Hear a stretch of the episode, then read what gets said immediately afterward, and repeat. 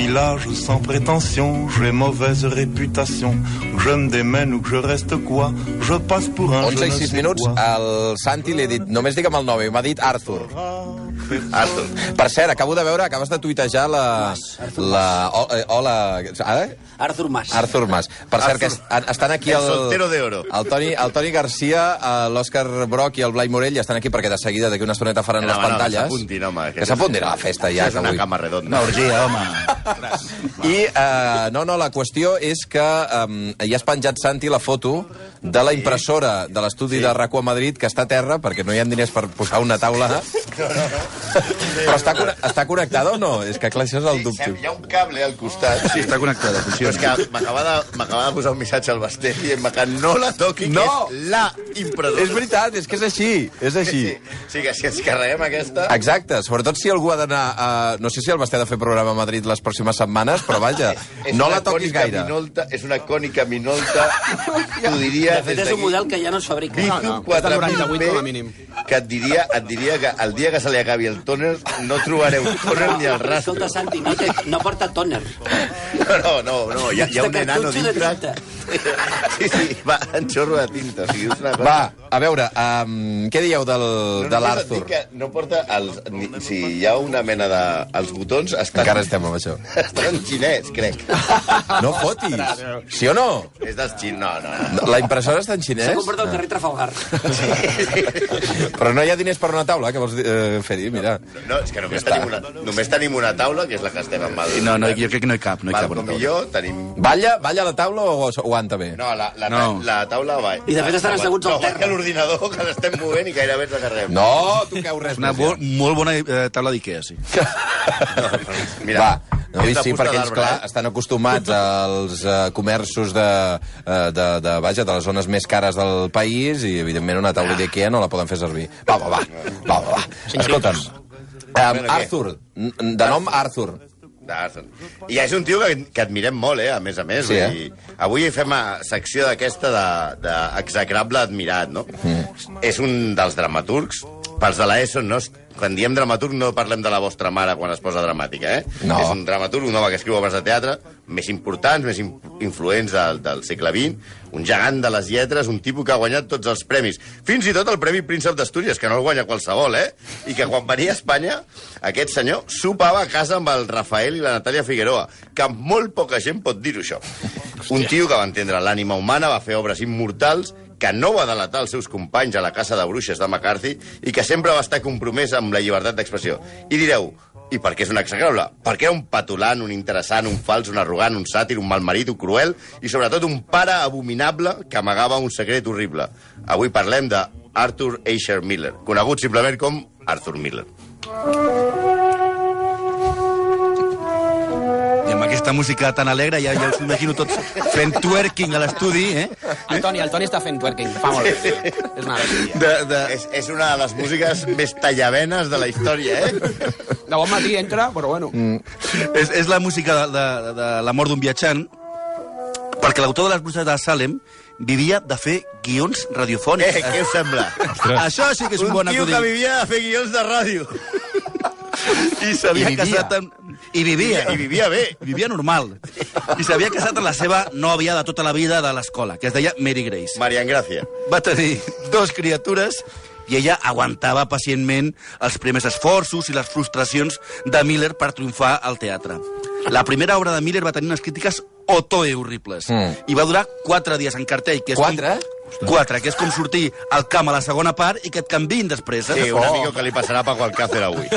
No, perdona, això no li va passar a Pizzi una vegada? No va entrar i després el van treure a I, mig I per... després a, a, a l'Arbilla, al Paco Gémez, això és com si l'entrenés a Paco Gémez, que t'entreu al jugador i tal. Miller, hem de tenir en compte que havia nascut amb una família molt acomodada, que tenia un apartament a vista de Central Park, a Nova York, però amb la gran depressió del 29, la seva família va arruïnar-se i ell se'n va anar a haver d'haver d'anar a viure a Brooklyn. I de ben jove es va haver de posar a treballar per poder-se pagar els estudis. El primer hipster. Sí, aquest trauma, sí, mira, Toni, aquest trauma de, de passar de ric a pobre va ser una mena de leitmotiv de la seva obra. És sí, de, diguem-ne que és com aquests pijos de Barcelona que descobreixen que hi ha vida per sota de la diagonal. Sí. Però, però Miller va perseverar i les seves obres van començar a funcionar. Aleshores va arribar La mort d'un viatjant, Aquesta juerga de aquesta forma de música, i va arribar l'èxit. I el que és més important, el que és més important, va conèixer Marilyn Monroe. Ara, ara, Ah, ara t'escolto. I ell, clar, evidentment va quedar fascinat amb Marilyn. Que no obstant es va casar amb Joey DiMaggio. Per això, quan et deia abans que hi havia una relació amb el món de l'esport, Ah. venia per Joey DiMaggio. Joey DiMaggio era una estrella del béisbol que jugava als Yankees de Nova York. I es casen... Eh, Marilyn coneix a Arthur Miller, però es casa amb DiMaggio. Però l'Arturo aquest no va parar i ja sabem que els Arturs són molt persistents i amb il·lusió, i quan el matrimoni DiMaggio i Monroe començava a flaquejar, van començar un romans secret que va acabar amb els seus respectius matrimonis, el de Marilyn amb DiMaggio i el d'ella amb la Maria Engracia. La pobra dona de Miller, la Maria Engracia, va aguantar totes les seves neurosis durant tots els anys i va quedar abandonada tan aviat com Arthur Miller va arribar a la, a la, a la, al cim. Sí, va aguantar tota la part- tota la part de baix i Això, quan- i, I quan Marilyn li va dir vine, diu bye bye Mary Grace. Sí. Arthur Miller es va casar amb Marilyn, per cert, que no li va demanar matrimoni, sinó que ho va anunciar a la premsa. Es va enterar com Felipe González. Felipe González Per la premsa. Què dius? Bueno, sí, sí, sí, sí. Però clar, que es casi Arthur Miller amb Marilyn pues és el que es coneix com la venjança del gafotes. Vull dir, el típic empollon de la classe que les no li foten cas, per passat, acaba embolicant-se en la noia més guapa a l'institut i a sobre li pren el catxes de la classe. Era una parella rara. És, és que ell era molt intel·lectual i, la, i, i ella era una actriu més aviat eh, poc dotada per l'intel·lecte. És com si, per exemple, Rafael Sánchez Ferlosio es casés amb Letícia Sabater. o Hans Magnus Enzensberger amb Xuxa. Esteu d'acord amb les capacitats interpretatòries de Marilyn Monroe? No. Val. No, no, no, jo no he dit interpretatòries. No, jo t'he dit intel·lectuals. Intel·lectuals. Ah, intel·lectuals, Jo intel·lectuals. crec que ella era més intel·ligent del que semblava. Mira què et dic. Ara, ara anem aquí, Ara ja anem ho veureu. aquí, sí, sí. Ten tota la raó. A, la, a les seves memòries, Miller diu que ell menyspreava Hollywood, però Marilyn va ser la seva consagració mundial i el seu pas pel cinema. Tot indica que a Miller li agradava més Hollywood que a Trump Twitter i que va aprofitar de la seva dona per fer aquest pas que desitjava. Però el que quedava mal... O sigui, però ell no ho deia perquè quedava malament sent un escriptor tan compromès, intens i d'esquerres. Home, si Marilyn et demana anar a viure a Hollywood, qui és el guapo que s'hi que nega? Com si volia anar a Pyongyang. A kiss on the hand may be quite continental, but diamonds are a girl's best friend. Mira. Eh, realment, Marilyn era molt millor actriu i més llesta del que es pensava Arthur Miller. Però Arthur Miller era un, un, un, un mala bèstia. Segons Donald Spoto, el biògraf de Marilyn, Miller era autoritari i volia fer d'ella una dona sofisticada. A més, ell estava molt frustrat perquè ella era la que realment portava més diners a casa. Molt Ah, li- modern feia ràbia. intel·lectual, eh? Mm. Sí, això... El... Però això no és res. Ella va caure amb una depressió profunda quan va descobrir, poc després de casar-se amb un viatge a Anglaterra, unes notes de Miller en el seu diari en el que dubtava de, fer, de, de què ell deia que no sé si he fet bé casant amb, amb Marilyn, perquè s'avergonyia d'ella amb els seus amics que eren otoe intensos.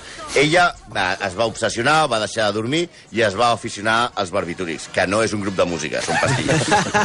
Sí, Billy Wilder, que va perdre els nervis en Monroe al, al rodatge de Ningú és perfecte, explicava que tothom va acabar odiant a Miller al rodatge.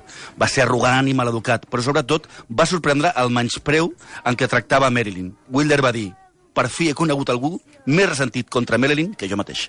Ella, en els seus diaris, descriu el seu marit com un monstre pacífic. És a dir, un maltractador psicològic que la humiliava i que la feia pensar que mai estaria a la seva alçada intel·lectual. Ni falta que fa, set ciències, que estem parlant de Marilyn, que no la tens per parlar ni llegir llibres. A, a més, tal i com s'ha descobert en una recent biografia que s'ha publicat als Estats Units sobre Joe DiMaggio, les habilitats sexuals de l'intel·lectual jueu d'esquerres comparades amb les de l'italià no tenien res a veure.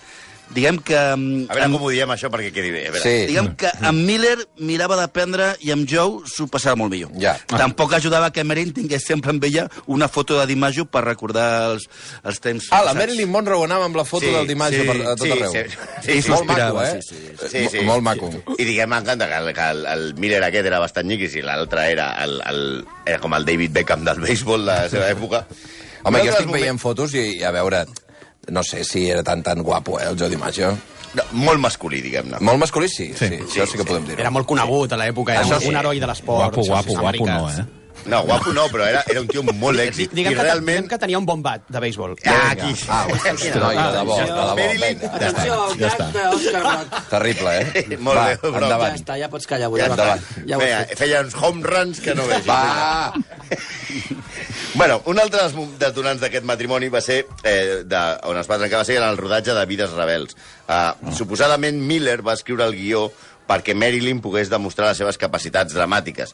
Però ella li va ofendre molt que es prengués aspectes de la seva vida real i les projectés a la pantalla. Sobretot perquè la, la, la revelava com una dona molt fràgil eh, per posar-ho en el guió, una dona que mai era feliç, que sempre estava trista, que, que, que els homes s'aprofitaven d'ella, i això li va fer interpretar. Eh, això sí, realment eh, gairebé no havia d'actuar perquè ella era tan infeliç a la vida real com era el personatge que va dibuixar Miller. En acabar aquest rodatge es van divorciar.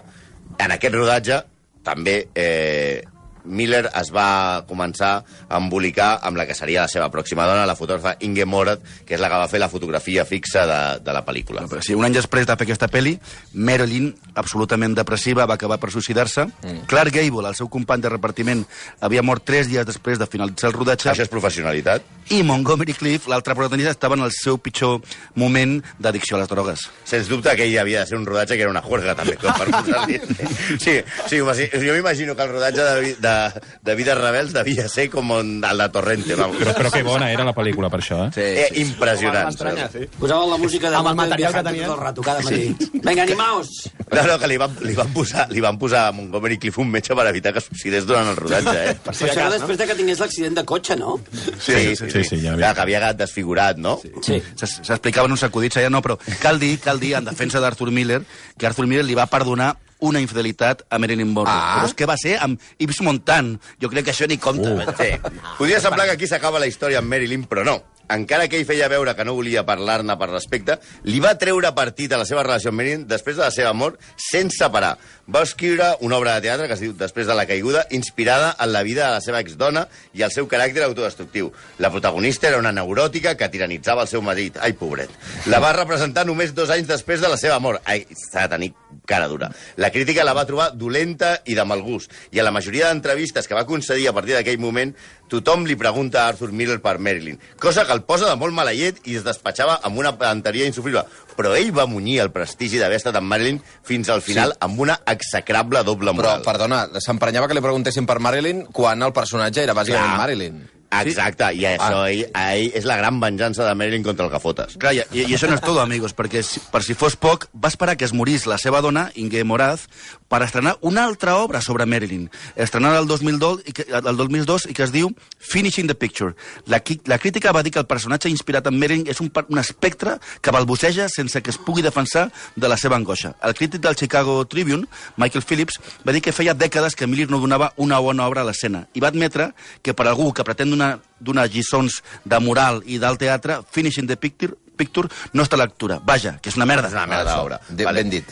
Vale, va, fins ara hem arribat aquí i esteu dient, vale, va, quin execrable més de segona divisió. Tampoc hi ha per tant. Home, mala llet la tenia, però Sí, potser es va sí aprofitar que... la seva dona, no era fidel, tampoc és més seriós. Tampoc és que la seva última nòvia tingués, la, la seva última dona, 55 anys menys que ell. Ell la va conèixer amb 88 i ella tenia 34. Però el més graciós de tot és que quan es van conèixer, ella es pensava que Arthur Miller era mort. Però la, la, això és molt gran. O sigui, és a dir... Quan, Però tu no havies muerto. Sí, exacte. que era la mòmia. Li van dir, no, la van, portar, la van portar a un sopar i li van dir, mira que vindrà a sopar Arthur Miller. Diu, no, Arthur Miller és mort. I va arribar i, i, diu, i, i es va embolicar amb Arthur Miller. Ah, era una pinta. Que era una mòmia, ja, sí. Sí, eh, eh, el, el Miller. Però no, ara us explicarem. L'entrada de Miller, de veritat, al Club dels Execrables no és per faldiller, maltractador psicològic, aprofitat ni arrogant. L'entrada, atenció, és per la porta gran.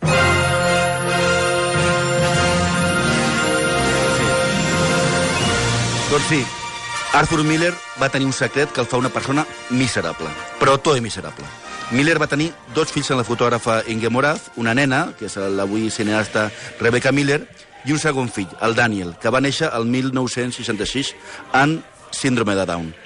Doncs bé, malgrat la posició de la seva dona, Miller va deixar el seu fill en una institució als quatre dies de néixer.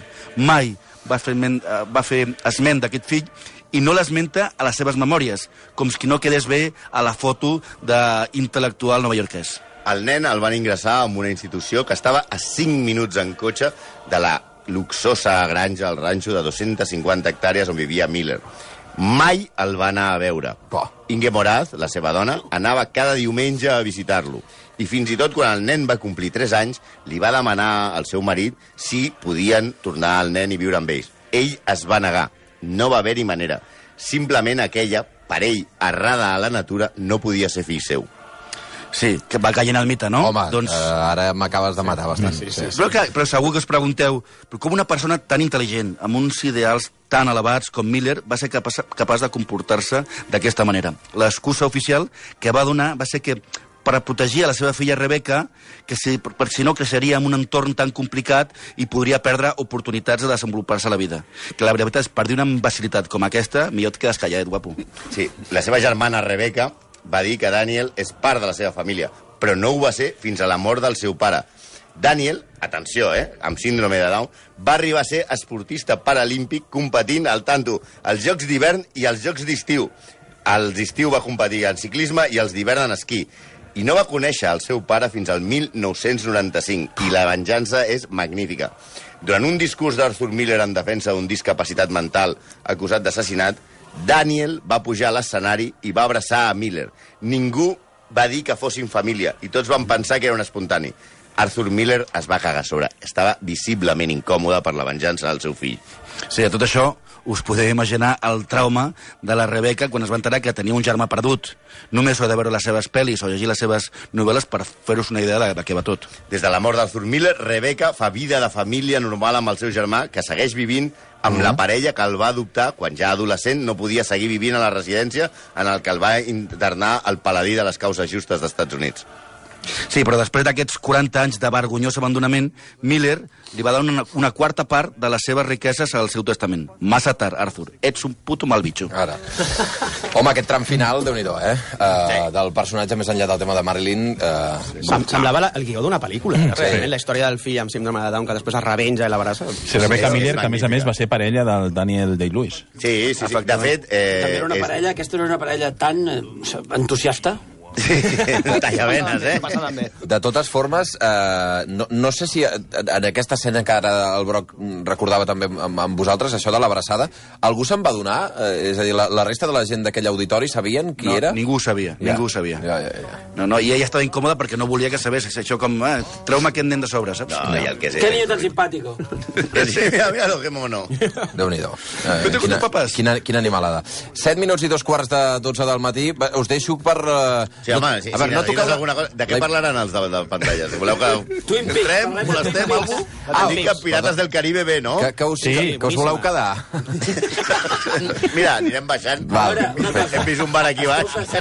No, imprimim alguna cosa i baixem. Heu vist Twin Peaks o no? Jo la vaig veure al seu moment. No, No, la la nova. La nova no, No, no, no, una no. mandra total. L'heu de veure, hi ha un pal que parla, només us dic això. Sí, sí, una... Que parla, hòstia, sí. Com el del Dimaggio. Pot ser un pal que parla. Que té vida. Déu-n'hi-do. Uh, 6 minuts i dos quarts de 12 del matí, no toqueu més ja l'impressora, l'ordinador, la taula i res. Jo crec que la impressora aquesta és de Va. xocolata, eh? No, tira. Adéu-siau, eh? Adéu. Adéu. Déu. Le monde viendra me voir pendu, sauf les aveugles, bien entendu.